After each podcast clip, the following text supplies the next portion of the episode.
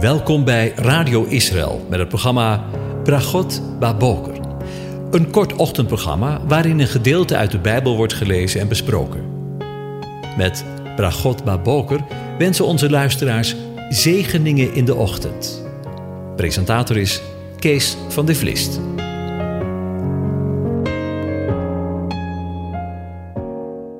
Goedemorgen luisteraars. Vanmorgen gaan we weer verder met Psalm 24. Ik lees het aan je voor. Intocht van de Heere. Een psalm van David. De aarde is van de Heere en al wat zij bevat, de wereld en wie erin wonen. Want hij heeft haar gegrondvest op de zeeën en haar vastgezet op de rivieren. Wie zal de berg van de Heere beklimmen? Wie zal staan op de heilige plaats? Wie rein is van handen en zuiver van hart, wie zijn ziel niet opheft tot wat vals is en niet bedrieglijk zweert. Hij zal zegen ontvangen van de Heere en gerechtigheid van de God van zijn heil. Dat is het geslacht van die naar hem vragen, die uw aangezicht zoeken, dat is Jacob. Hef uw hoofden op, o poorten, en verhef u, eeuwige deuren, opdat de koning der ere binnengaat. Wie is deze koning der ere? De Heere, sterk en geweldig. De Heere, geweldig in de strijd. Hef uw hoofden op, o poorten, ja verhef ze, eeuwige deuren, opdat de koning der ere binnengaat. Wie is hij, deze koning der ere? De Heere van de legermachten. Hij is de koning der ere. Tot zover. Over de zoon gesproken. Over het laatste gedeelte van de psalm hebben we de vorige keer nagedacht. Maar ik wil hier nog wat langer bij stilstaan. De reden is omdat ik geloof dat we in de dagen waarin we nu leven, dicht, heel dicht bij de vervulling van deze profetische woorden leven. Als je de krant openslaat, lezen we als het ware de weeën van deze wereld. Ik ben absoluut geen doemdenker, maar we leven in een tijd waarin oorlog op deze wereld niet afwezig is. Honger, moord, aardbevingen, nauwelijks of niet te blussen branden in grote delen van deze wereld, letterlijk en figuurlijk. En last but not least een wereldwijde pest die de mensheid terugdringt in hun holen en huizen. En een mensheid die het niet meer weet hoe zij hieruit moet komen. Maar het is het einde niet, want in de laatste gedeelte van de psalm lezen we over de intocht van de Heere, Yahweh, in Jeruzalem, in deze wereld profetisch gezien. Voor David was dit waarschijnlijk de intocht van de tabernakel, wat een groot feest was, een geweldige reden om de poorten van de stad open te doen. De aanwezigheid van God was in de tabernakel, dus werd de Heere ontvangen in de stad. Ook hier zien we een voorafschaduwing van dat wat in de nabije toekomst zal plaatsvinden. Zo mogen we in het Oude of Eerste Testament al lezen hoe de grote dag van de Heere zal zijn, wanneer Hij zijn koninkrijk zal vestigen op deze aarde vanuit Jeruzalem. Zo komen Psalm 24 en het boek Openbaringen samen. Gods woord is een eenheid.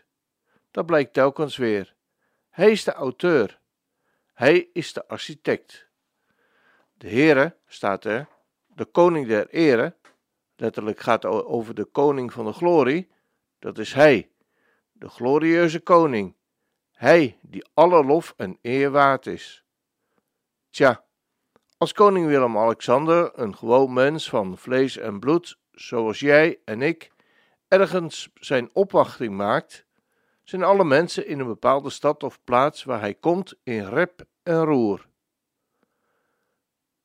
Maar wat een klein beeld is dat, wanneer we beseffen dat wanneer de schepper van de hemel en aarde, de eigenaar van deze hemel en aarde, de koning van alle koningen, niet alleen een bezoekje brengt aan zijn schepping, niet alleen maar een bezoekje brengt aan Jeruzalem, maar dat tot zijn vaste woonplaats zijn residentie maakt.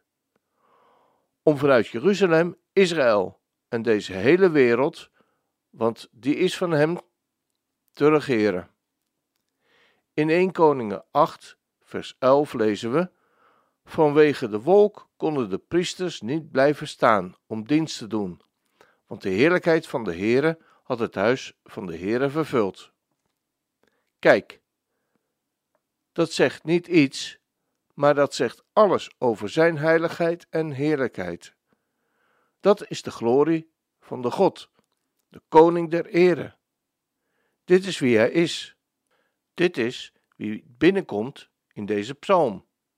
Dit is wie binnengelaten wordt in de stad. Wat een ontvangst zal dat zijn wanneer hij verschijnt op de wolken van de hemel en iedereen, hoor je het, iedereen hem zal zien in macht en majesteit.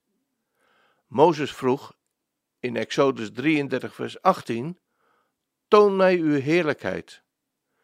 Dat is de Heere, de koning van alle koningen, wat God zal doen. Dat is ook wat God deed. De heerlijkheid, de eer, de aanwezigheid van God is het allerbeste dat de, God, dat de mens kan overkomen. Het antwoord van God op de vraag van Mozes was dat hij aan Mozes vertelde wie hij was, door zijn naam uit te roepen. Dat lijkt misschien een wat vreemde reactie, maar iemands naam zei wie die persoon was in die tijd van de Bijbel.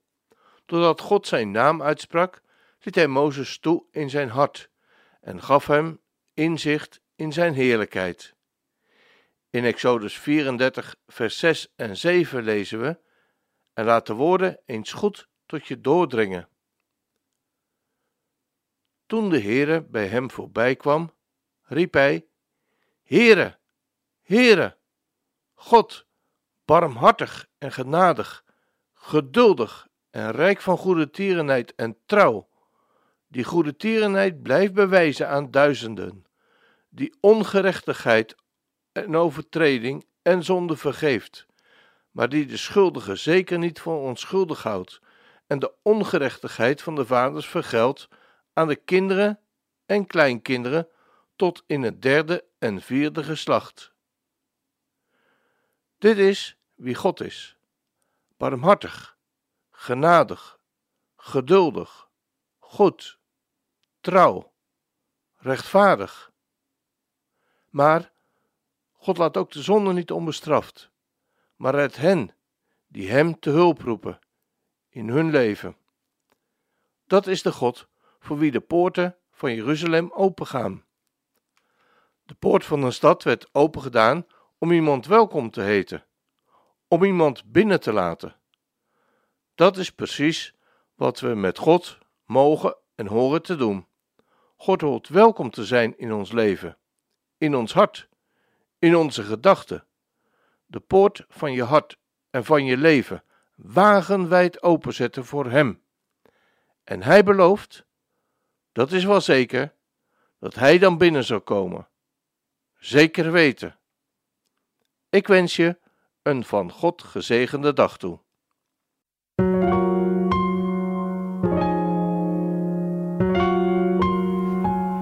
U hebt geluisterd naar het programma Bragot Baboker.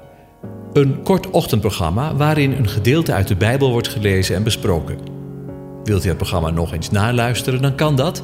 Ga naar radioisrael.nl en klik onder het kopje radio op Uitzending gemist.